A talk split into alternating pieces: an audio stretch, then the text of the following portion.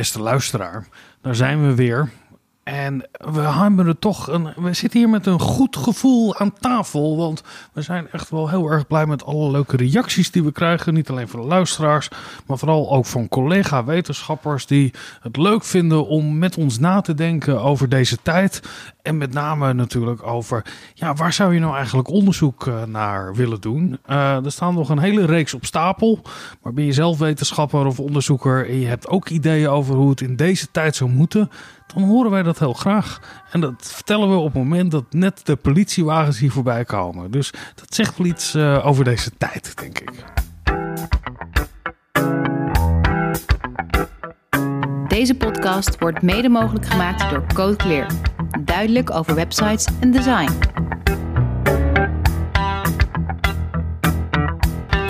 Vanuit Amsterdam is dit Onder Media Doctoren, de podcast waarin communicatiewetenschappers zich verwonderen over de media.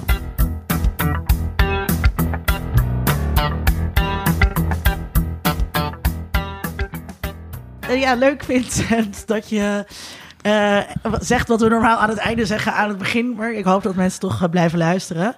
Uh, ja, ik vind het heel leuk, de reacties die we krijgen van mensen. De bijdrage van wetenschappers, maar ook mensen die naar ons luisteren en zeggen dat ze dat leuk vinden. Vind ik ook leuk.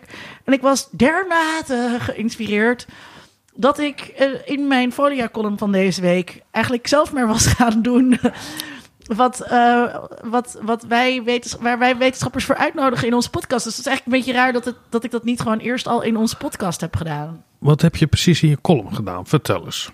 Nou ja, ik dacht dus. Ik was, ik was bezig met hierover aan het denken. Uh, precies dit eigenlijk. Dat ik het zo leuk vind. Um, om te zien, wetenschappers are aan wetenschap.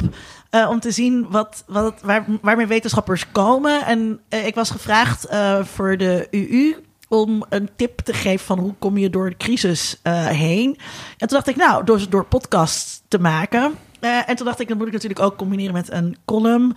Want elke, elke zelfstandige weet... Um, Elk idee gaat keer vier. Ja, precies. ja. Je, moet, je, moet, je moet die boel uitmelken. En toen was ik dus zelf aan het nadenken van... wat zijn nou de dingen die ik zie tijdens corona uh, tijdens de coronacrisis? Of welke dingen worden ineens zichtbaar die, volgens, die, die misschien onzichtbaar waren? Maak het onzichtbare zichtbaar. En uh, wat mij dus heel erg opviel, bleek. Um, uh, maar dit is, dit, het is eigenlijk een stokpaardje. Dus het is misschien. Kijk, ik moet even zeggen wat jij ervan vindt. Oké. Okay. Um, je hebt heel veel gedachten tegelijkertijd. Nee, dat valt heel erg mee. Dus mijn column, uh, de titel van de column is... Corona maakt zichtbaar hoe onbelangrijk media zijn. En um, misschien zal ik gewoon een, een klein stukje voorlezen. Uit de column. Nu sociale contacten bijna allemaal via houseparty gaan, valt op hoeveel tijd we in real life met vrienden doorbrengen. Nu vergaderingen via videobellen lopen, hoe weinig ervaren collega's daarmee zijn. Nu het land massaal thuiswerkt en Netflix kraken de kabels en worden snelheden verlaagd. Zo vanzelfsprekend is het allemaal niet.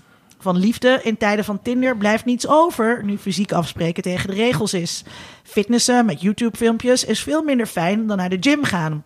Ouders merken hoe voor hun kroost, WhatsApp en Insta geen vervanging zijn voor vrienden op school. Zoom geen alternatief voor contact met de leraar en Animal Crossing geen substituut voor buitenspelen. We leven in media, stelt hoogleraar Mark Deuzen. Media are to us as water is to fish, schrijft hij in zijn boek Media Life. Ik ben het daar nooit mee eens geweest, want het is maar net hoe je het bekijkt. Natuurlijk zijn er media in het dagelijks leven van de kapper, de muziek die aanstaat, de cv-monteur, zijn iPad waarop je de werkbon aftekent en de slager, de lichtkrant waarmee hij woensdag gehaktdag aanprijst. Maar het is nonsens om te zeggen dat hun leven doordrenkt is met media. Zelfs een zwaar gebruiker als ik is wel eens offline.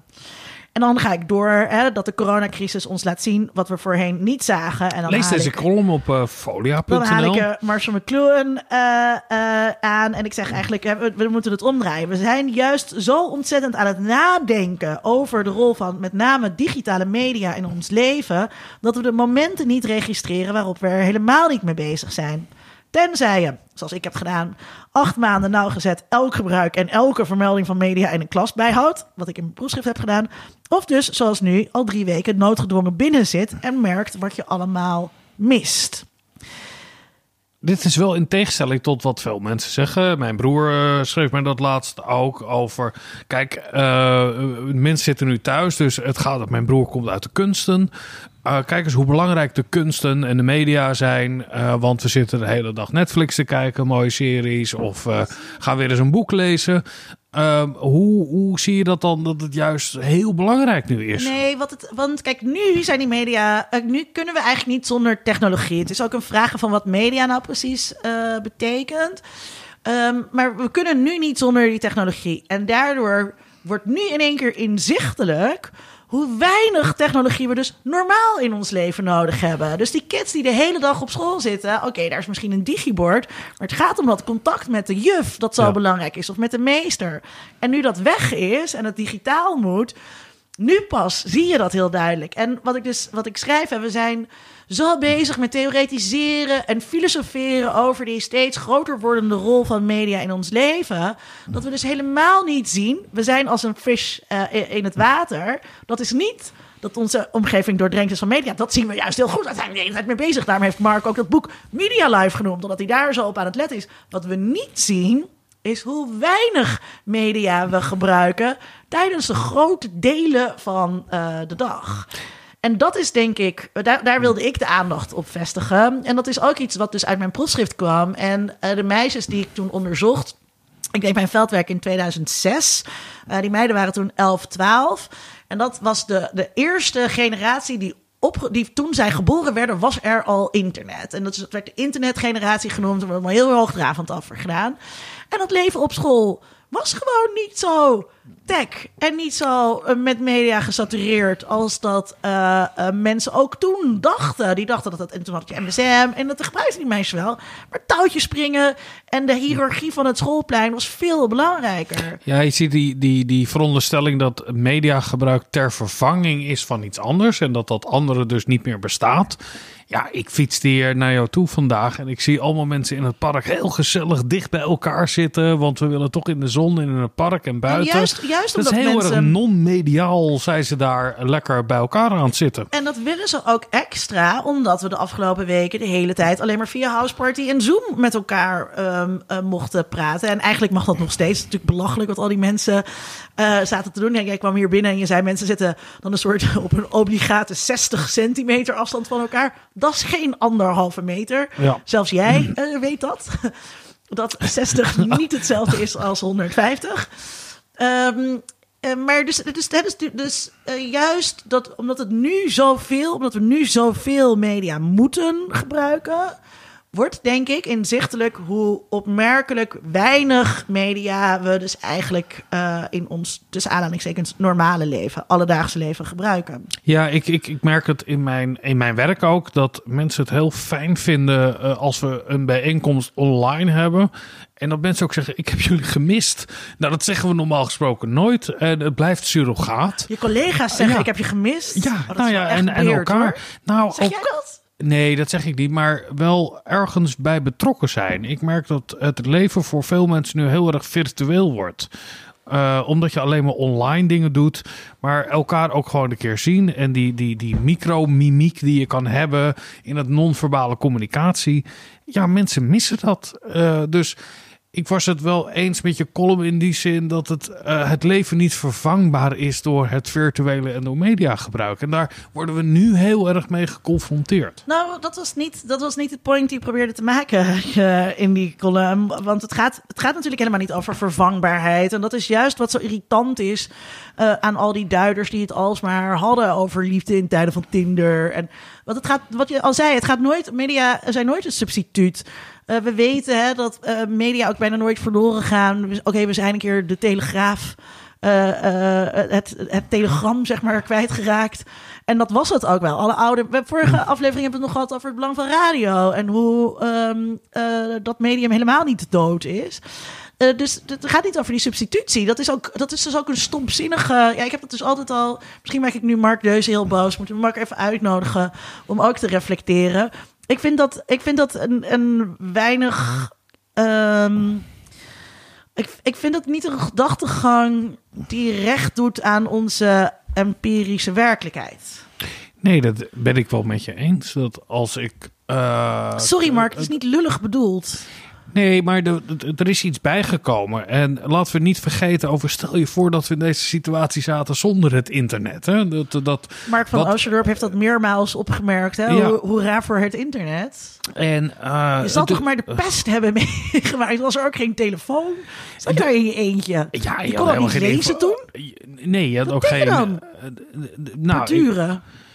Ik, ik vraag me af, is er ook een eh, geboortegolf geweest tijdens de Spaanse griep? Dat, eh, daar zijn vast historici die er iets over weten. Trouwens, alle jonge kinderen gingen toen sowieso eh, heel veel van dood. Dus er zal misschien niet zoveel van over zijn gebleven. Nee, Zou- ik, nee, ik ben, want, want dat van die geboortegolf, dat vind ik... ja. Maar wat er nu, eh, wat, wat ehm, eh, Esther bless her, zegt is... Nee, het is waarschijnlijker dat er veel meer scheidingen... Dat er een scheidingspiek komt dan een geboortepiek. Dus ik ben juist benieuwd... Hè, waren, waren er na de Spaanse griep... Toen mocht je natuurlijk niet zo makkelijk scheiden... Maar dat er in één keer meer huiselijke moorden plaatsvonden. Nou, het lijkt me een hele mooie vraag. Er is vast een die historicus die toegeschreven aan werden aan de. Spaanse griep. Maar eigenlijk was het toch eh cyanide. Nee, maar denk je, eh, het mediagebruik is al, heeft altijd een relatie met, met, met echte ervaringen. Eh, en nu we minder echte ervaringen hebben, dan maak ik even een onderscheid dat online ervaringen niet echt zijn. Ik weet dat mensen er anders over nadenken. Maar het is heel fijn om dingen te delen die je hebt meegemaakt. Maar nu we heel weinig meemaken, eh, is het niet die, die, dat complementaire rol van ons eigen social media gebruik. Ja, ik ben tegen is- dat. Ik ben tegen dat Ik kan hele- helemaal niet meer op Facebook zetten op welke belangrijke tentoonstelling ben wel is. Of Ja, welke ik ben, ik ben dus tegen Eh, dat de digital dualism dat je hier Ja. ehm, eh, eh, nu, nu neergooit, want dat bestaat helemaal niet. En eh, ja, ik maak nu niet zo heel veel mee, maar tegelijkertijd ook weer wel. Dus ehm, dan, wat zit je nou te kijken, Poes? De Poes kijkt me aan alsof ik zit te liegen. Maar echt, Poes, Poesie.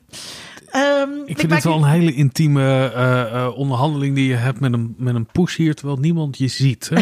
Eh, Ik heb net een foto gemaakt van deze setup ik met Lola op tafel. Nu kijkt ze Vincent. dit, dit duurt te lang. Linda, dit duurt te lang. Dit duurt te lang. Oké, oké. Ik Even door. Dus ik maak minder mee, maar ook weer niet. Dus kijk, normaal op een vrijdagavond zou ik ehm, met een vriendin lekker zitten kletsen. Met een vriendin, what the fuck. Met allemaal mensen in mijn huis of bij andere mensen thuis. Lekker zitten kletsen. En nu ehm, eh, doe ik dat dan op de houseparty. En dan kan ik nog steeds, want dan eh, zegt, zegt eh, een vriend: Goh, hoe is het met je? En dan zeg ik: Nou, gisteren bleek dat Vincent. eh, nie- nie- nie- nie." Weet je wel? Dus je kunt nog maar steeds. mensen ervaren minder dingen. Maar toe. ik praat dus, ja, maar ik praat misschien dus ook wel heel veel over andere mensen. Je roddelt.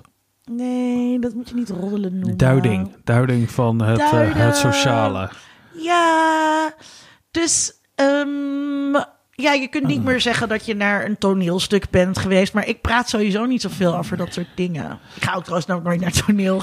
Nee, maar jij, praat wel over, goh, ik was daar op een feestje, of ik heb die ontmoet, of daar heb ik het over gehad, of ik was eh Ja, maar iemand... nu kan ik dus. Maar Nee. ik, ik heb gisteren. Ik ga jou nou straks vertellen hoe ik gisteren met Paul en Fik eh, heb gehousepartied. Als, als de microfoons straks uit zijn. Ja, maar dat zijn hele saaie verhalen, want dan vertel je van, goh... die zijn niet eh, saaier dan. Ik was gisteren. Ik heb gisteren met Paul Fik gegeten. Nee, ze zijn, in, de regel, in de regel zijn ze meestal wel vrij saai, maar...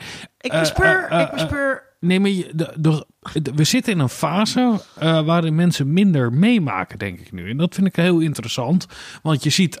eh, wij als mediawetenschappers zien we natuurlijk dat dat een, een, een effect heeft in de media. Maar ook voor ons persoonlijk leven. Als je gewoon minder meemaakt, wat gebeurt er dan? Heb jij dat idee dat er nu minder gebeurt? Ik heb dus niet het idee dat ik. Oké, ik ga minder uit. Ehm, maar ik heb, niet het, ik heb nog steeds heel veel gedachten die ik met heel veel mensen wil delen. Eh, of, of dingen waar ik met mensen over wil praten. Ik, ik ben echt niet. Ik ben echt, echt nog lang niet door de gesprekstop heen. Nee, nou, ik merk wel een, een, een, mijn bewustzijn dat het echt zo is en dat het nog heel lang gaat duren, eh zinkt langzaam binnen. Voor de mensen die deze podcast vaker luisteren, je hoort mij steeds iets vertellen dat het steeds meer doordringt. Maar ik, ik denk wel echt dat we in een fase komen van een, een culturele eh, leegte. Eh, we kunnen ook niks meer maken. Straks hebben we, alles. Dat zeg je Hebben- terwijl wij we alles- gewoon fucking podcasts aan het maken zijn. Ja, maar wij kunnen dit nog doen met twee Ja, microfoons dus aan een keukentafel. Dus ik zie DJ's die nog steeds draaien. En eh, kunstenaars eh, gaan ook nog steeds hun kunst ehm, maken. En die zoeken naar andere manieren. En daar, ik vind dus juist, hè, dat is ook een beetje een soort cliché wat al vaak gezegd is, dat die creativiteit heel erg dan bloeit.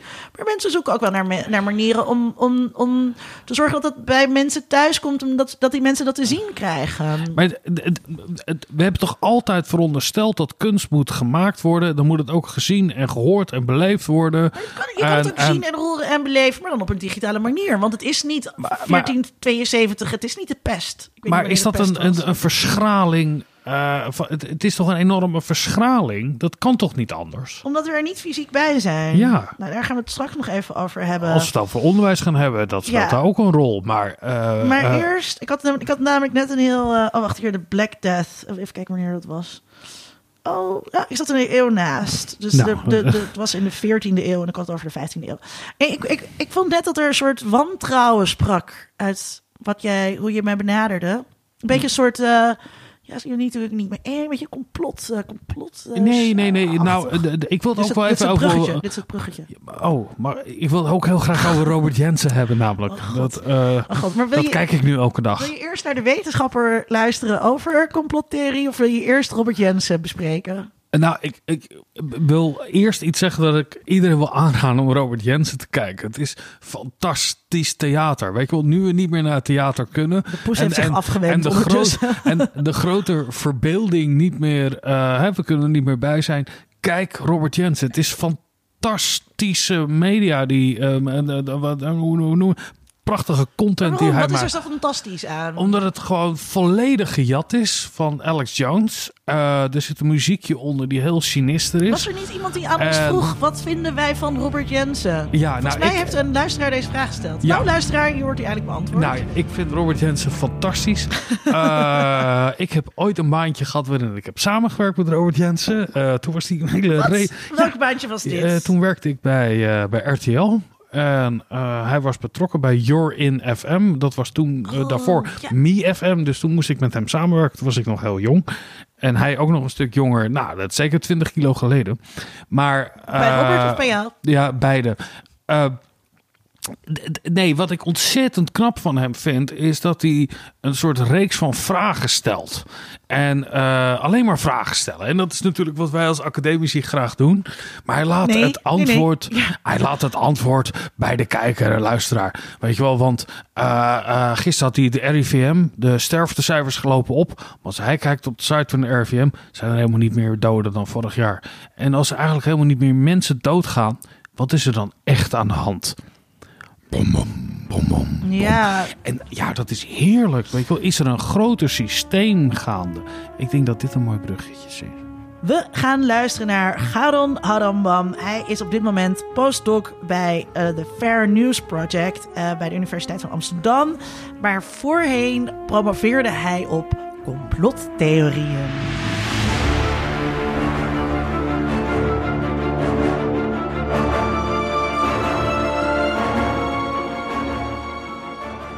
Ja, wat mij eigenlijk opvalt de laatste weken is het enorme vertrouwen in de mainstream autoriteiten. Nou, Rutte en zijn kabinet zijn populairder dan ooit. De mainstream media worden in grote getalen bekeken.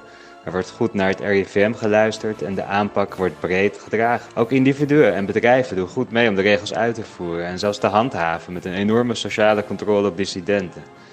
Nou ja, dat vond ik nogal opvallend, want niet zo heel lang geleden waren er nog heel veel grote zorgen over het dalende vertrouwen in publieke instituties. Zo kwamen landbouwers en masse naar het Malieveld om tegen de politieke maatregelen te protesteren en de stikstofcijfers van het RIVM openbaar te betwisten.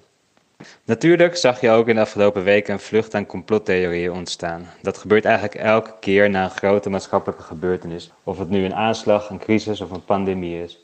Complottheorieën gedijen goed in onrustige tijden, waar er nog veel onduidelijk is en veel op het spel staat, maar waar ook grote onzekerheid over de huidige situatie in de toekomst heerst. Er wordt vaak gesuggereerd vanuit de media en de wetenschap dat deze alternatieve verklaringen van de werkelijkheid aanhangers helpen om grip te krijgen op een complexe en beangstigende situatie door deze te vereenvoudigen met het idee dat het wel georchestreerd moet zijn. Complottheorieën zouden dus, ondanks het donkere beeld dat zij schetsen, dus niet alleen maar verontrustend zijn, maar tegelijkertijd ook rustgevend, omdat het niet allemaal maar pech, onzekerheid en toeval is. Dat niemand controle heeft over de situatie zou veel verontrustender zijn dan dat een geheim clubje slechterikken ah, dat heeft. Dus complottheorieën geven volgens dit narratief existentiële rust en het gevoel van controle terug. Nou, dat is misschien deels waar, maar het is ook erg functionalistisch en eendimensionaal. Want spelen andere processen niet een even grotere, of misschien zelfs grotere rol, zoals bijvoorbeeld maatschappijkritiek uit, het wantrouwen van publieke autoriteiten, identiteitsvorming, het onderdeel zijn van een grote groep kritische burgers, of gewoon de spanning opzoeken van dit soort avontuurlijke en donkere verhalen. Bovendien probeert elk wereldbeeld of betekenissysteem nu eenmaal orde te scheppen in een in essentie onbestemde wereld. Of dat nu een liberaal, atheïstisch, rational choice-achtig perspectief is, een marxistisch wereldbeeld of een meer spiritueel aangelegd idee over de werkelijkheid. Ze geven allemaal structuur en betekenis aan chaos en leegte, zo complottheorieën. Maar deze karakterisering is ook te uniform, omdat het uitgaat van een stevig bestaand wereldbeeld en laat het te weinig diversiteit toe, de manieren waarop mensen met complottheorieën omgaan. Of laat het de verschillen toe tussen de verschillende thema's en onderwerpen van complottheorieën. Het is daarom beter om niet enkel in generalisaties over complottheorieën te spreken, maar juist naar de onderlinge verschillen in thema en aanhang. Dat heb ik in mijn proefschrift duidelijk laten zien. Er zitten nu eenmaal grote verschillen tussen de holistische antivaxbeweging, bovennatuurlijke theorieën over buitenaards leven of de meer technisch ingestelde 9-11 truthers. Verschillen in thema, aanhang, epistemologie, sociale vorm en ga zo maar door. En de vraag is natuurlijk ook welk effect het in één categorie plaatsen van verschillende soorten kritische geluiden over algemeen aanvaarde waarheden heeft en wie daar belang bij heeft. Maar goed, even weer terug naar het onderwerp. Complottheorieën over de coronapandemie. Welke komen nou naar boven in de afgelopen weken? Nou, uiteraard het idee dat het coronavirus door wetenschappers in laboratoria gemaakt zou zijn en dat het mogelijk ontsnapt of bewust losgelaten is als bioweapon. Het zou ook kunnen komen doordat de uitrol van 5G in meer en meer plekken op de wereld plaatsvindt. En de enorme straling die daarbij komt kijken zou deze ziekte kunnen veroorzaken. Maar ook zou Bill Gates erachter zitten omdat hij vaccinpatent bemachtigd heeft. En al jaren geleden deze pandemie voorspeld had. Het is allemaal online te vinden in video's op YouTube. Nou, elk van deze theorieën heeft zijn eigen geschiedenis en context, welke relevant is om te begrijpen. Maar ik wil mij vooral richten op één andere cons conspiracy theorie, die om meerdere redenen voor mij erg interessant is. Nou, in het Nederlandse complotdenkersmilieu wordt de huidige lockdown en het enorme mediacircus rondom deze pandemie, alle kranten en tv-kanalen staan er helemaal bol van, wordt echt met argwaan bekeken. Dus het idee dat er een enorme mediapaniek gecreëerd wordt rondom een verder redelijk onschuldig virus dat vooral ouderen en zieken treft, met als doel verregaande be beleidsmaatregelen te kunnen doorvoeren, doordat iedereen nu maar alles accepteert onder het mom van de bestrijding van het virus. Nou, wat ik allereerst interessant aan vind is dat het narratief enorm lijkt op de shock doctrine uh, van de wereldberoemde journaliste Naomi Klein. Die schrijft over hoe de Chicago School economen foute machthebbers adviseerden om juist in tijden van radicale onrust en onzekerheid door rampen of economische crisissen draconische maatregelen door te kunnen voeren of door te voeren. De complotdenkers die ik spreek hebben het dan ook over een goed georchestreerde machtsgreep. We maken mensen zo bang voor het virus dat ze allerlei inperkingen van hun vrijheden zullen accepteren. Men zit ondertussen al drie weken vrijwillig in huisarrest. Digitale inspectie- en surveillance technologieën zullen door meer en meer inwoners vrijwillig geïnstalleerd worden.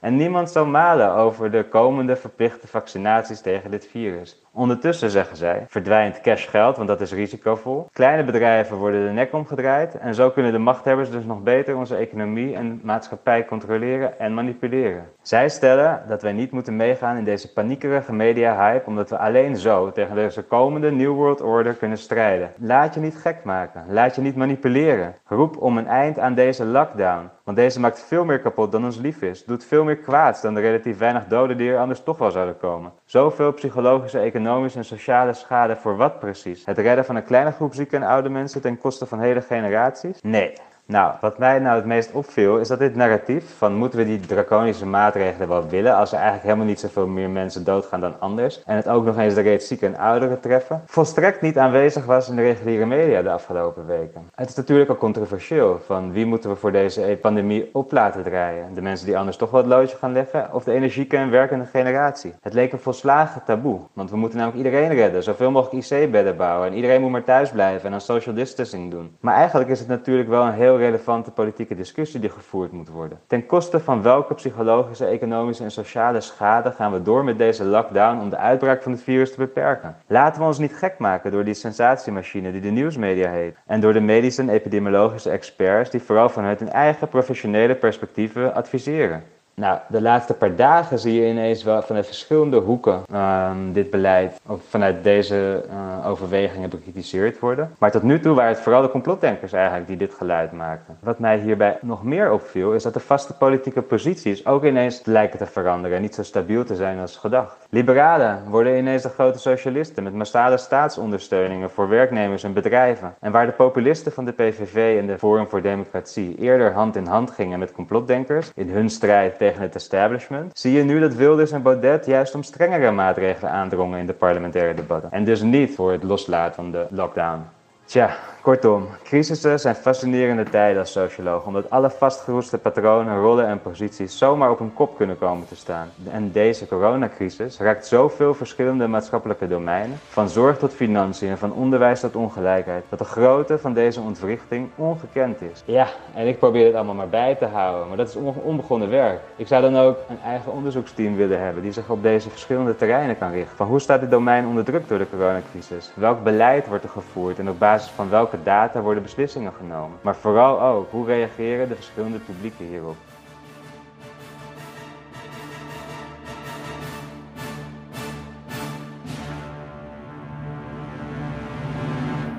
Wat ik zo tof vind, Vincent, um, sowieso aan het proefschrift van Gauron, is hoe hij dus niet uh, meteen de complotdenkers veroordeelt. En dat is wat we natuurlijk heel erg veel hebben gezien. Dat is wat zo bijzonder is uh, aan zijn proefschrift. Dat doet hij niet. En hij gaat veel meer, uh, dus niet veroordelen, maar veel meer mee. Vooral in die begindenkstappen die er zijn. En hij praat nu heel erg over die mediapaniek die, die er nu gaande is. Ik denk dat dat eigenlijk, dat hij daar dus wel gelijk in heeft. Ik ben ook reluctant een beetje om dat toe te geven. Maar die twijfel van, is dit nu echt allemaal nodig? Is dit enorme offer dat wij maken, is dat nou echt nodig voor die mensen die er nu doodgaan? Die twijfel heeft denk ik iedereen wel. Ja, de kwalificatie complottheorie is natuurlijk altijd vanuit een bepaald perspectief om het, te, te, ondermijnen. Ik weet dat we ooit een gesprek hebben gehad met Cees Hamelink, uh, uh, hoogleraar uh, communicatie. Propaganda. Over propaganda. Op het moment dat je iets propaganda noemt, dan, dan maak je het wat kleiner in de geloofwaardigheid daarvan. terwijl hij in die uitzending ook zei, is een aantal jaar geleden, ja, er bestaat ook gewoon zoiets als propaganda. En zo bestaan er ook echt complotten. er kan een vooropgezetheid zijn of je kan in de situatie, misschien heb je het niet bedacht, maar je kan je wel denken: dit is misschien ook wel een goed moment om eens even duidelijk te maken wat de rol van de staat het is. Het kapitalisme zoals we dat zien is ook een complot. Uh, nou ja, het is een, een, een, als je het woord complot ook nog eens een keer wat verder gaat afpellen, dan zou je kunnen zeggen dat er een, een, een, een aantal verschillende belanghebbenden zijn die met eenzelfde idee een verandering teweeg willen brengen en dat met elkaar hebben afgesproken. Uh, het verschil tussen complot en een plan is dat niet iedereen op de hoogte is van uh, waar we naartoe gaan. En zelfs het verschil tussen een complot en een plan, er zit een heel grijs gebied tussen over goede intenties en kwade intenties. We sowieso dus... we gaan dan uh, uitnodigen om even terug te komen en dit soort uh, theoretische kwesties, als we de reguliere programmering weer hervatten, ja, om dit soort theoretische Garon, kwesties aan ons uit het, het lijkt ons super om erbij te zijn. ik begon al dat ik, ik lees dat soort dingen ook wel en dat soort randgebieden maar, als ja, het gaat over... Vraag, mijn vraag aan jou was, die twijfel heeft, heeft, die twijfel is toch ook wel terecht? Het is terecht Tuurlijk om die twijfel het, te hebben. Ja, tuurlijk kunnen wij niet vertrouwen op onze overheid nu dat er allemaal goede beslissingen genomen worden. Nee, maar ook. Uh, um, nee, maar dat dus, er nee, een maar dus soort vooropgezetheid in nee, maar, kan zitten. Um, kijk, uh, wat ik zei van het is denk ik ook een mediapaniek. En media draaien helemaal door hierop. Um, en juist omdat we, hè, waar we het net over hadden, juist omdat we nu binnen zitten, zijn we alleen nog maar aangewezen op, uh, op media. Eigenlijk alles wat we doen is gemediatiseerd. Het is raar dat wij hier met z'n tweeën in deze kamer zitten en mensen shamen ons daarvoor. Um, dus uh, er is zeker sprake van een mediapaniek. Uh, daar moet je altijd wel kritisch op zijn. En um, wat je bijvoorbeeld merkt, uh, niet dat ik daar nou voorstander van ben, maar Jort Kelder heeft blijkbaar gisteravond bij op één of zo gezegd over eh, we moeten de, de, de, in de zorg gaan er keuzes gemaakt worden. Ja. En um, Um, iedereen haat Jort Kelder en hij fungeert dan denk ik als een soort nationale boksbal. Dat iedereen lekker kan gaan op Jort Kelder. Maar ondertussen ja, er zijn heel veel mensen die toch ook die, die daarmee zitten. Maar dat En- heeft toch niet zoveel met complottheorieën te maken? Dat is eh, toch meer nee, een... Maar, een, maar een- dus, een- dat, dus er worden. ehm, er, er leven vragen onder eh, de bevolking. die niet per se. ehm, eh, eh, besproken worden in de mainstream media. omdat. Om redenen. om hun mafferende redenen. Bijvoorbeeld. ehm, eh, eh, als het gaat over. waar Geron het over had. Hè, van. ehm, is, is het het allemaal wel waard? Daar is ook niet echt een antwoord op. En het is een onethisch antwoord. Het is, de, het is niet bon ton om te zeggen... we kiezen voor de economie. Ja, daar, dus, dus ook de landen die voor de economie kiezen... bijvoorbeeld Trump, die krijgt daar heel veel kritiek op... Ehm, maar, maar die gevoelens, die hebben mensen wel. Je kijkt naar buiten, je ziet dat er niks aan de hand is. Het is, het is een onzichtbaar virus. Ehm, de, de ziekte duurt ook heel lang, dus het duurt ook nog wel een tijdje. Ehm, Vond ik trouwens wel interessant. Ik dacht altijd, incubatietijd is twee weken. Dus je krijgt het en dan eh, na twee weken ga je dood op de IC. Maar dat is niet zo. Je krijgt het, dan duurt het eigenlijk twee weken... Voor, je wordt besmet, dan duurt het eigenlijk twee weken... voordat je serieuze klachten krijgt. En dan pas ga je naar de IC... Eh, en het duurt dus ja, maar er eigenlijk zijn ook mensen die geen klachten vier, krijgen. vijf, nee, eh, maar dus echt vier, vijf weken. Dus ook ehm, die vraag die ik, waar ik de vorige keer eigenlijk mee zat: van oké, we zijn nu allemaal aan het binnenblijven. Hoe kan het dan dat die piek verwacht wordt in mei? Nou ja, het antwoord daarop ligt wat complexer. Maar dit is dus, het antwoord ligt wat complexer. Wat Garon ook zei. Ehm, we proberen allemaal grip te krijgen. Niemand heeft controle. Dat is een veel enger idee dan dat iemand controle heeft. Dus je zoekt die houvast in, nou ja, dat is allemaal onzin. Het wordt eigenlijk gedaan om een andere agenda door te duwen. En dat is soms makkelijker dan proberen die complexe werkelijkheid te begrijpen... waarin het ziekteverloop net wat anders in elkaar zit dan dat je dacht. de moeilijkheid die we. Kijk, de leiders in de wereld die trachten nu een, een soort, soort ordentelijke eh, eh, visie te hebben over we gaan dit doen, dit zijn de maatregelen. visie. Ja, Alsof er geen eh, ruis, geen ja, twijfel, ik, geen donkere dingen zitten. Ik, ik zag het hoofd van dat team, de arts, Dr. Fauci heet hij geloof ik, bij de Amerikanen. Die, oh, die fantastische man. ja, fantastische man die zegt van... Goh, het zijn minimaal 100.000, maar als we ons best doen, wordt het beter. En, maar al de maatregelen die er nu worden genomen, ook op financieel-economisch gebied, weet je wel, die moeten groot worden uitgezet en die zijn niet doordacht, want we zagen dit niet aankomen. Maar tegelijkertijd... Nee, maar laat me even uitspreken. Wat je ziet is dus dat we aan de ene kant enorm verlangen hebben naar orde. Eh, en heel veel mensen zeggen: Goh, laat Mark Rutte dat doen. Of de gouverneurs in de Verenigde Staten die dat goed doen eh, op dit moment. Of eh, in, in Brazilië Bolsonaro die zegt: van het valt misschien wel mee. Of op de Filipijnen. Weet je wel. Iedereen zoekt naar die, die, die, die orde daarin. En als je die orde daar niet vindt, dan kan je ze ook vinden bij Robert Jensen. Of bij Alex Jones. Of bij Thierry Baudet. Weet je Ja. wel, al die mensen die aan de randen zitten van, van die werkelijkheid. Maar- Wij nee, maar ik wil dit punt afmaken. Dat de, de ongelofelijke informatieachterstand die er nu is van de leiders in de wereld, die is net zo groot als de mensen die zitten bij de complottheorieën. Als je het andersom wil redeneren, ze redeneren eigenlijk vanuit dezelfde informatieachterstand, dus we weten het niet. Het idee dat wij nu eh, wel of geen mondkapjes, weet je wel, als je, ik volg veel van die internationale media, eh, en eh, Amerikanen zijn helemaal voor, in, eh, in Zuid-Europa ook, hier niet. We weten het niet. En het, het idee om tegen je eigen publiek te zeggen, als leider of als complottheorist, eh, te, te zeggen: We weten het gewoon niet. We zitten in een situatie nee. dat we het niet weten. Nee, nee, kijk, dat is, dat is, nee, je moet, nee, oh nee, er is zoveel mis. Ehm, Oké, ten eerste, we weten hoe mondkapjes werken.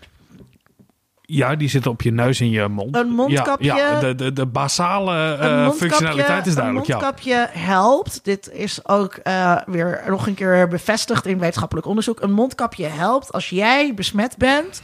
Moet jij een mondkapje op, zodat jij het niet verspreidt aan andere mensen. Een mondkapje helpt niet als jij het niet hebt en je wilt graag bij andere mensen in de buurt zijn die geen mondkapjes Maar waarom hebben we in Nederland dan niet de regel dat, eh, want je kan Dat ook mensen die besmet zijn een mondkapje op moeten. Ja, of mensen die eh, nog niet besmet zijn. Want we, of tenminste mensen die weten, Kijk, niet weten dat dat dus- ze besmet daar- maar daar Nee, maar als je nog geen symptomen hebt. Ja, maar dan- daar moet je dus... Kijk, we hebben, we hebben Jeroen de Kloet eh, in de uitzending gehad. En die zei heel duidelijk... in Hongkong en in Singapore, waar ze SARS meegemaakt hebben, zijn mensen veel gewilliger om mee te gaan in de maatregelen die hiervoor nodig zijn, waarbij dan de hele bevolking mondkapjes gaat dragen. Dat helpt. Als iedereen, of je nou weet of je het hebt of niet, die mondkapjes gaat dragen, zo zit Nederland niet in elkaar. Dan een tweede punt wat je zei. Je zei, onze bestuurders hebben dezelfde hetzelfde gebrek aan informatie als de complotdenkers. Dat is niet waar. Onze bestuurders zitten daadwerkelijk aan tafel met de mensen van het RIVM en wij niet. Dus het RIVM geeft wel briefings aan eh, de Kamer en die zijn eh, eh, openbaar. Maar de overleggen die er zijn, daar zitten wij niet bij. En ik mag er toch hopelijk van uitgaan dat onze bestuurders wel degelijk een informatie voor, hoe noem je dat, voorsprong hebben op de gewone mens. Het zou heel raar zijn als dat niet zo was. Nou ja, maar dat, dat is precies het punt. Het zou heel raar zijn als het niet zo was. Maar we zitten nu in een situatie waarin dingen heel raar zijn. Dan een derde punt wat ik wil... Nee, ik heb jou net laten uitpraten. Dus je gaat me nu mij laten uitpraten. Een derde punt wat uh, uh, Garon aanhaalt... wat, ik, wat natuurlijk wel belangrijk is om over na te denken... is dat er worden nu een aantal maatregelen ingevoerd... die heel erg overeenkomen met reeds ingezette uh, uh, veranderingen waar bepaalde sectoren baat bij hebben. En een prachtig voorbeeld daarvan is de war on cash. Uh, ik ben lid van de Piratenpartij en dit is een serieuze. Bestaat die, nog? Ja. die bestaat nog steeds. Ja. Dit is een serieuze zorg. En, en de banken hebben baat bij het verdwijnen van cash. Want banken verdienen geld met bankair verkeer en niet met cashverkeer. Uh, Overheden hebben baat bij het verdwijnen van cash, omdat ze dan veel beter toezicht kunnen houden. Ja, fiscaal ik, is het. Uh, omdat ik geen drugs ja. koop voor mijn cash, omdat ik mijn werkster niet illegaal betaal ja. uh, met cashgeld. En dat zijn natuurlijk de dingen die mensen doen met cashgeld. Uh, daarom, die war on cash, dat is een echt iets. En wat Garon zegt, en dat, is, dat vond ik zelf ook wel interessant. Ik dacht altijd, als de apocalyps komt, dan moet je cashgeld in huis hebben. Uh, mijn kantoorgenoot uh, komt uit een familie van preppers. Die heeft, ik zal niet, weten, zal niet zeggen waar die woont, maar die heeft zelf daadwerkelijk thuis 2000 euro cash liggen voor dit soort noodgevallen. Wat ontzettend dom. Je kunt nu. Neem dan 2000 euro aan goudklompjes. Je kunt nu nergens betalen met cash. Nee. Eh, het is, dit, ik, ik, ben ook wel heel geïnteresseerd. Misschien zijn er luisteraars die uh, uh, van die bankaire weigeraars zijn. Die proberen te overleven met cash. Maar het is heel moeilijk nu om te kunnen overleven zonder bankpas. En zonder op die manier geregistreerd te zijn. Ik zeg in Canada is en, dat geld van plastic. Maken, dat kan je tenminste wassen. Dat... Om het even af te maken. Wat Garon dus signaleert is dat uh, die zorgen die er leven bij die um, complotdenkers ook dus wel uh, terecht zijn. Cash verdwijnt. De overheid wil meer controle uitoefenen over uh, de onderdanen. Dus dat, dat is heel terecht. Het is zeer terecht. En al die. Maar het rare is, dingen kunnen naast elkaar bestaan. Er zijn maatregelen die nodig zijn. Het is geen complot van de overheid, maar het is wel nee. terecht om daar argwanend tegenover te staan. Zeer. En je af te vragen. Oké, okay, die, die enorme ruk naar um, uh, uh, weg van cash die we nu meemaken. Ja, maar dat is één is voorbeeld. Maar laat mij... terecht? Of um, is dit ook wel iets wat perfect in het straatje past. Kijk, een ander voorbeeld, onze privacy-doelstellingen, die we hebben geformuleerd en we hebben daar op Europees niveau afspraken over gemaakt. We hebben in Nederland iemand die daarop toeziet, die zegt, nou, het is nu niet het moment om daar heel erg streng op te zijn.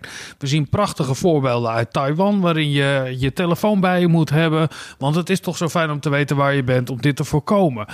Tuurlijk heeft een nou, overheid. Te voorkomen. Er, nou, Sterker ja, om, nog, om, op het moment dat jij naar buiten gaat terwijl je dat niet mag om jou uh, te bestraffen. Dat is, en dat als is je die surveillance. een argument moest hebben dat iedereen gewoon dat altijd bij zich moet hebben en dat je dat moet delen en dat je niet anoniem mag zijn, is dit het moment. Dus ja, dat helpt. Ja, het wordt beter. Maar we raken ook aan de andere kant heel veel vrijheden mee kwijt. En we creëren een nieuwe normaliteit. En we hebben daar eerder over gehad. Op kleinere vorm. Over het hebben over online onderwijs. Weet je wel, zie je dat kan ook. Dus we hoeven geen dure mensen in te huren. Uh, ja, dit soort processen spelen.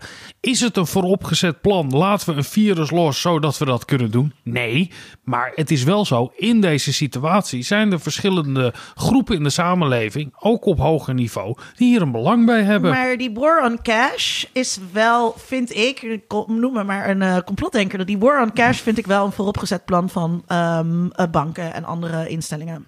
Uh, en dit sluit ja, maar nu het bij is aan. niet zo dat de banken een virus hebben losgelaten Zeker om dat te doen. Nee. Dus je ziet maar de war een- on cash Ja, is, je wel, is wel een, eh, is niet een complot, maar is wel een vooropgezet plan. Ja, maar daarom is die binariteit die we hebben, dit is een complottheorie en dit is de werkelijkheid, weet je wel, die 1 of 0 gedachte, die slaat nergens op. Dat is misschien wel de mooie Eh, bijdrage ook van eh, het proefschrift van Gadon en ook wat hij dus nu zegt. Inderdaad, we moeten Ja. af van dat idee dat complot of waarheid, dat dat binair is. Precies. En eh, als ik naar Robert De Jensen werkelijkheid kijk, is gelaagd. Net als een ui, zei Shrek. Als een cake, zegt het ezel dan. Nee, zegt Shrek, als een ui. En ik zit net in mijn verhaal. Eh, als ik naar Robert Jensen kijk en hij maakt zich druk over. Goh, je wil als Dan overheid kijk. mensen eh dociel maken. Dit is een ideale manier. Waar- Vind je dat waar- we te dociel zijn ook? Ik want vind dat want we, ik was net op de Elandsgracht en daar leek, het, daar leek het gewoon wel alsof corona niet bestond. Iedereen zat lekker dicht bij elkaar. Iedereen Nee, ik was- vind niet dat we te dociel zijn in onze gedragingen. Maar als we ook dociel worden in onze opvattingen. Als wij Mark Rutte eh, te, te, te, te veel op het schild gaan tillen. Ik vind dat het twee debatten... weken geleden zaten wij nog... Oh, wat een staatsman zaten Nee, wij te doet hij- in deze ja, maar doet podcast. maar ik heb toen ook de gezegd... chroniqueurs, hè, die, die, op, die merken dit op, Vincent. Maar ik heb deze toen ook gezegd, eh, de chroniqueur zal ook zien dat ik zeg dat het politieke proces, dus het kritisch bevragen, altijd door moet gaan. Eh, in, in, in elke situatie. Op het moment dat er grote maatregelen moeten worden genomen, miljarden toekennen aan, eh, aan wat dan ook, dan moet daar ook een kritische eh, blik op zijn. En Natuurlijk, de parlementaire enquête is al lang aangekondigd. En dit gaan we allemaal met terugwerkende kracht gaan we dit toetsen over hoe het is gegaan. En dan zullen we zien dat de dingen niet goed zijn gegaan. Uiteraard, want we zijn niet voorbereid. En dan gaan we ook nog de vraag stellen waarom we niet voorbereid waren. Maar het idee eh, waar we het in, de- in de bijdrage over die, die. Het gaat over die grijstinten. Daar zitten. eh, tuurlijk zijn er partijen die hier baat bij hebben. Nee. Eh, ik, ik volg graag de beweging, eh, de antifaxers, zoals de luisteraars weten, met mijn, met mijn antroposofische achtergrond. Dat dit een vooropgezet plan is om mensen te laten wennen aan vaccinaties. Nee, daar geloof ik niet in.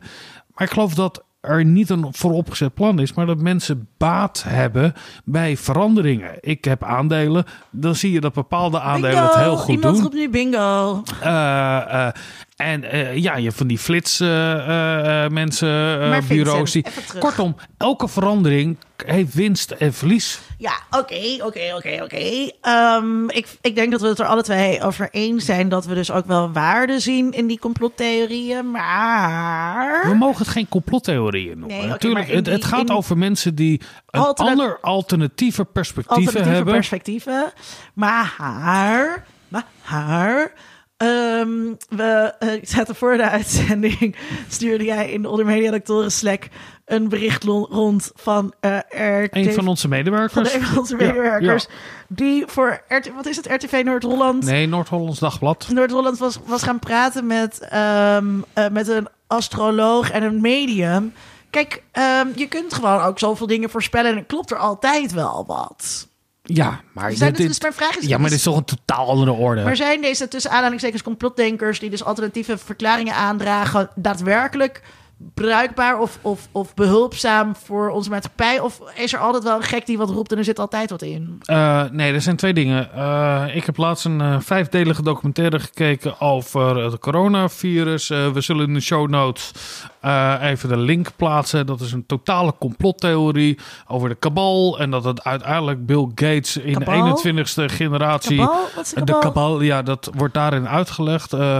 Eh, Eigenlijk is gewoon eh, een, het is een Joodse complottheorie uiteindelijk. Want uiteindelijk gaat het gewoon over de Rothschilds en, en, en, en Bill Gates. en- antisemitische complot. ja, dat, dat, dat, en je ziet dat we, we verzinnen niks nieuws. Het zijn bestaande theorieën die weer een nieuwe invulling krijgen. En, en het mooie van een je dat je, complottheorie. dat je die mensen te Nee, nee, maar- want ze nee, verzinnen maar ook heel vaak heel veel originele nieuwe dingen. Nee, maar complottheorieën die, zoeken, die zijn onfalsificeerbaar natuurlijk. Hè? Want alles past erin als het past. En als het niet past, dan oh, net is als evolutionaire psychologie. Eh, evolutionaire psychologie. nou ja, kijk, het is. Oh, ik zou niet dingen kunnen zeggen, luisteren, maar dat gaan we niet doen. Eh, d- dus ja, ik vind dat we dat soort dingen altijd eh, dissonante stemmen, waar we ooit een uitzending over wilden maken die niet doorging, zijn natuurlijk belangrijk om onze geest Wat te zegt scherpen. het, Vincent? Wij wilden een uitzending maken over dissonante stemmen in de media en de wetenschap. En dat is ons onmogelijk gemaakt door deze coronacrisis. Ik denk niet dat ze in China een virus hebben losgelaten om deze uitzending niet te laten doorgaan. Maar als jij daar wel in gelooft, in grote termen, dan zie je natuurlijk altijd een systeem. Oké. Zullen we het nu hebben over het laatste punt? Of wil je echt die sigaret gaan roken ik die je in je hand hebt genomen? Ik wil, ja, mag ik die hier ook? Nee, we maken even die uitzending af, Vincent. Hoppakee. Nee, gaan we niet doen. Doe- Leg maar, leg maar je sigaret even neer. Ehm, ik wil het eh, tot slot even hebben over online onderwijs geven. Online, online, online Ja. onderwijs geven. Ik eh, gaf vandaag een workshop eh, die ik, ik denk al iets van 15 keer of zo in real life heb gegeven. En vandaag moest ik hem geven eh, via de Zoom. En dat was mijn eerste keer op Zoom. En ik had het al eerder, ik was al eerder aan het nadenken, wat ik ook aan het begin van de uitzending zei, dat ehm, je, eh, deze crisis maakt eh, zichtbaar wat eerder onzichtbaar was. Ik was al eerder aan het nadenken over ehm, eh, eh, wat, wat nou precies de verschillen zijn. En eh, dat gebrek aan fysieke nabijheid doet verschillende dingen. En het, het viel mij op dat als je dus voor de webcam zit als de docent die dat moet geven, en dit waren in dit geval waren er twaalf cursisten, dus het is een redelijk kleine groep, maar je ziet wel twaalf vakjes in je scherm. Je moet toneel acteren. En ehm, eh, ik heb eh, een aantal eh, toneelcursussen of acteercursussen gevolgd bij Crea toneel acteren, maar ook film acteren. En het verschil tussen die twee is bij toneel acteren maak je alles maak je groot en je spreekt ook met je toneelstem. En je weet ook, hè, als je op het toneel gaat staan, moet je Groot volume veel- heet dat, ja. moet je altijd heel veel make-up ook op, zodat Ja, dat ook- groot volume heb je wel geleerd daar. dat, eh, ik ben heel geschikt voor het toneel. Eh, maar ook je make-up moet ook groot zijn, Ja. zodat ze ook op de achterste rij jouw gezichtsuitdrukkingen enigszins kunnen zien. En je staat natuurlijk onder Ik lampen. heb vrij school gedaan, hè, dus ik heb dit allemaal geleerd. Ja, maar ik heb ook filmacteren gedaan. En bij filmacteren, en je weet, ik heb eh, luisteraars die mij nog nooit ontmoet hebben, die weten dat misschien niet, maar alle andere mensen wel. Ik heb onwijze mimiek. Dus bij mij zie je altijd meteen aan mijn hoofd of ik je aardig vind of niet. Meestal Straalt er- niet, meestal niet. haalt er altijd eh, vanaf. En eh, bij filmacteren moet dat veel kleiner zijn, want die camera registreert alles. Nou, je webcam registreert niks. En dus als je les aan het geven bent voor die camera. Eh, een van mijn cursisten had een mooi opiniestuk geschreven. waarin ze zei: Het is een goed idee om wel make-up op te doen. Want daarmee kan je je wenkbrauw wat zichtbaarder maken. Want je ziet een opgetrokken wenkbrauw. als wat jij nu bij mij doet. Eh, dat zie je in real life, zie je dat heel goed. Maar voor de webcam zie je dat nauwelijks. En al die kleine cues in het Engels, die wij dus normaal krijgen als je les aan het geven bent, die mis je. En je wilt dat natuurlijk af. Dus ik had echt het gevoel, toen ik eh, vandaag voor mijn webcam eh, mijn workshop aan het geven was, les aan het geven was, dat ik echt heel groots, met grootse gebaren aan het eh, acteren was, om het maar over te brengen. Ja. En wat dan dus ook uitmaakt, is dat ehm, bij het publiek, je, je krijgt dus ook nauwelijks iets terug van je publiek. Je zit echt een soort van tegen een muur te praten. Terwijl normaal als ik college geef, nou, dan merk ik dat studenten ofwel afge- afgeleid zijn, eh, of het leuk vinden, of het wel leuk vinden, maar het niet willen laten merken. Ik kijk ook altijd mensen aan. Dat kan niet, want eh, die mensen... Je, mijn Zoom-schermpje zitten ze in deze volgorde. Maar bij iemand anders zitten ze misschien in een andere volgorde. Dus ik kijk naar beneden, naar jou. Maar jij, jij ziet mij van boven. Ja, Dus- ik herken heel erg wat je bedoelt. Ik, ik, eh, mijn leven bestond zeker de afgelopen jaren uit vergaderen. En dan vind ik het wel eens leuk om een grapje te maken. En laatst maakte ik een grapje in een vergadering met twintig mensen. Ja, dat valt echt dood als de minst getalenteerde cabaretier eh, in het eh, Crea Probeer eh, podium. En als jullie, Ah. want ehm, hier, ik weet niet of dat de Morris eh, zijn, maar bij, bij hier was het dus. Alle cursisten hebben hun, eh, hun microfoon uitstaan. En als ze iets willen zeggen, dan steken ze hun hand op. En dan, Nou, het is heel interessant. Die Morris cursus- ontstaat dus dan nu. geeft de cur- cursusleider ze het woord. En dan gaan ze op unmute. En dan mogen ze wat zeggen, want anders heb je allemaal ontzettende echo. Ehm, maar dat betekent dus ook dat als ze lachen, want ze lachen, want ik maakte heel veel grapjes, Ja, dat hoor je maak niet. altijd veel Ja. grapjes, dan hoor je ze niet. En dan Ja. moet je echt goed kijken om te zien dat ze, dat ze lachen. En ehm, wat ik me dus nu voorgenomen heb, is eh, alle andere bijeenkomsten waar ik meer luisteraar ben, ga ik dus ook als luisteraar mijn, mijn, alles mijn groter maken. En dat wil ik dus ook alle luisteraars voor alle vergaderingen aan, aanraden. Dat heb je nodig. Dus als je moet lachen, maak dan ook echt met je lichaam een lachbeweging, zodat mensen dat kunnen zien. Want we hebben die cues nodig voor elkaar. Ik merkte ook, ik was zo moe, want ik had alleen maar staan geven. Ja, en ik herken het in vergaderingen. aan het zenden ben. Ja, mag- mag sta je te even geven, dat- Maar dan krijg je toch in al die hele kleine non-verbale cues, Ja. krijg je toch veel meer terug dan nu met al die mensen op mute die hele kleine vakjes in je scherm zijn. Ik heb inderdaad heel erg de neiging als ik in een grotere vergadering zit. eh, voor de luisteraar nu, ik zit nu heel erg met mijn hoofd te schudden.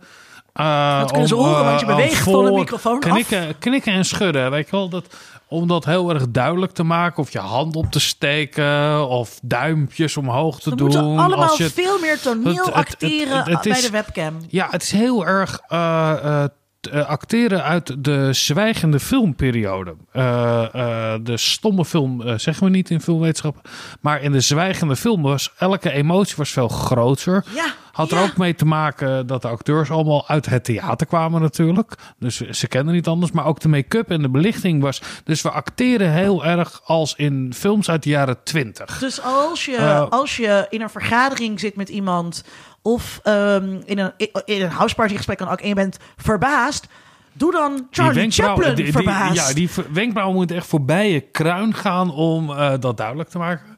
Eh, eh, leuk nieuws, ik ga een cursus geven, want eh, Wow, komend blok. Vincent, dus de onderwijsdirecteur, gaat gewoon het veld luisteraar voor in. deze bijzondere omstandigheid. Wil je de cursus meedoen? Basiscursus mediaonderzoek.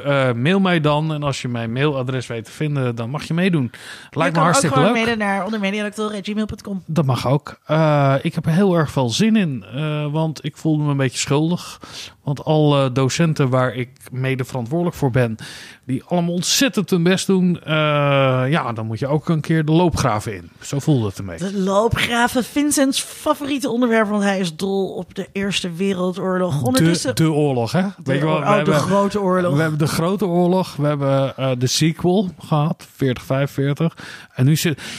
Even, wat vind jij van de oorlogsvergelijkingen die we steeds horen? Oh, dat is een heel interessant onderwerp. Ja, Wil je deze nog, nu nog even meedoen? Of, eh? Laten we die nog even doen. Eh, nou ja, volgens mij is het dus bij gebrek aan beter. Oh, ik hoorde dus in de Eeuw van de Amateur, hoorde ik, eh, vertelde Ipe volgens mij, of Pauline, weet ik niet, dat ehm, Annie M.G. Smit eh, dus zei over de oorlog, dat het dus wel lekker was, dat het dus wel lekker was, dat je niet de hele tijd naar buiten hoefde om allemaal dingen mee te maken, want niemand maakte wat mee. Dus eh, zij bekritiseerde toen al dat hele FOMO eh gebeuren. Dat was toen natuurlijk gewoon ook. Dat is helemaal niet iets wat met eh, Instagram te maken Nee. heeft. Iedereen had dat, dat altijd al. En dat vond ik dus heel grappig, want die oorlog... De Maar dat oorlog was wordt, ja, maar- oorlog wordt altijd overdreven. Dus altijd als mensen zeggen, oh, de oorlog. Maar, maar het was ook gewoon alledaags. Dus mensen gingen ook gewoon schaatsen en erwtensoep eten en lachen. En, In sommige en gebieden, in worden. sommige tijden, hè? Laten we daar enige nuancering bij plaatsen. Bij het, bij het bosje en zo. Nee, Ja, maar maar waarom zoeken we naar die, die vergelijking met een oorlog? Want dat hoor ik ook. Om het duidelijk te maken wat de ernst er is. Omdat het historisch is. Ja. En mijn historisch... Maar dat ga ik Trump zei, I'm a war president. Maar ook in mijn, eh, in mijn column over de, die liefdesverdriet column, waarin ik het met liefdes toen, die begin ik ook met mensen zeggen het is als oorlog, maar ik heb nooit oorlog meegemaakt, dus ik, zie- ik zie het eerder als liefdesverdriet. Dus je vergelijkt het met iets waarvan je, waar je denkt dat het op lijkt. Ja, maar de, de laatste keer dat we oorlog hadden eh, is echt, echt heel lang geleden. Nou ja, daar kun je namelijk ook alles 75 tegen jaar. inbrengen, want wij doen ook gewoon mee aan de oorlog in Afghanistan en er Ja, maar hele met erg dat wij oorlog in eh, Jemen en Syrië. van, van Nederland dat heeft meegemaakt. Of laten we zeggen oorlog in Nederland of een vergelijkbare situatie. Ik vind, ik vind de vergelijking zo raar. Weet je wat? Schaarste. Weet je wel, ik kom nog wel eens in een supermarkt, maar... eh, eh, eh, Grote wc-papier schaarste van week 13. ja, Laten we die niet vergeten, Vincent. Ja, maar... eh, Bijna net zo erg als de eh, hongerwinter. eh, Mensen, mensen gingen zich afvegen met de Bijbel in plaats van ze aten Zolang ik nog eh Breyers ijs kan kopen die laag in calorieën is, maar toch lekker voor 5,5 euro voor 400 milliliter. Maar dat was in de oorlog er- natuurlijk... Was het, nee, in er waren ook, nee, ook in nee de hoor, oorlog nee, waren er... Die hongerwinter... Nee, jawel. Die hongerwinter... Ja. overschaduwt de hele oorlog. Dus altijd als we terugdenken aan de Tweede Wereldoorlog, denken we mensen aten bloembollen. Maar er was alleen maar een hongerwinter, dus ook alleen maar boven de rivieren. Ja. Maar voor zeg iedereen je die niet nou op eigenlijk een wat de boerderij mensen stelden wonen? zich aan? Of- Nee, maar dus we eh, maken heel duidelijk, we pakken een klein deel van die oorlog, want het was vijf jaar, dat is behoorlijk lang. Moet je je voorstellen dat we vijf jaar deze corona-shit moeten doormaken. En dan pak je één klein deel, de wc-papiercrisis. Maar dat was maar heel kort. Dus ook die hongerwinter was maar heel kort. Dus eh, in het merendeel van de oorlog was er gewoon voor iedereen ruimschoots te eten. Dat was helemaal niet een ding. Ja, als je in Brabant woont en een... eh, Nee, ook, in- eh, ook eh, daarboven. De Mijn familie heeft geleden, Ja, maar ook de hongerwinter was alleen Zwaar maar geleden. van 44 op 45. Eh, Dus de winters van 40, 41, 41, dat waren allemaal prima. Toen hadden mensen helemaal geen honger. Maar in die terugblik blijven ze daarbij hangen. En dat is natuurlijk interessant om te af te vragen.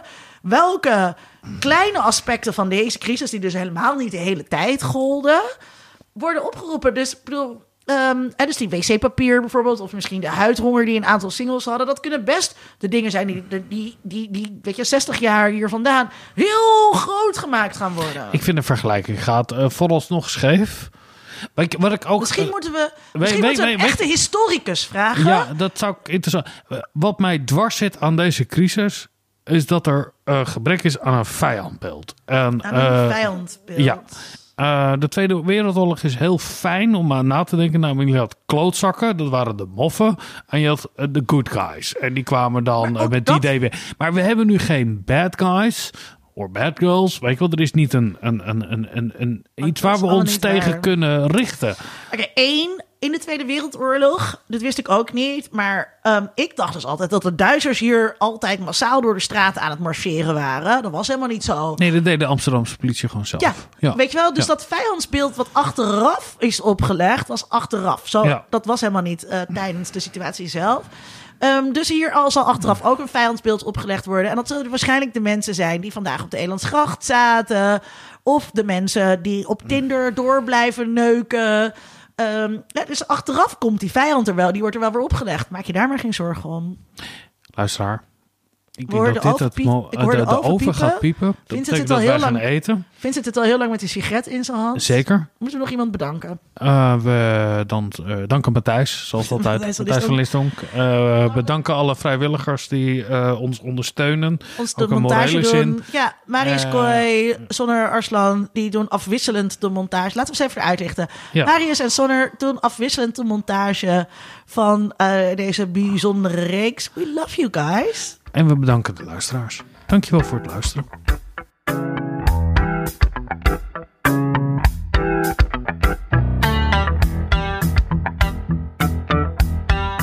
Onder Mediadoktoren is een podcast van Vincent Kronen en Linda Duits.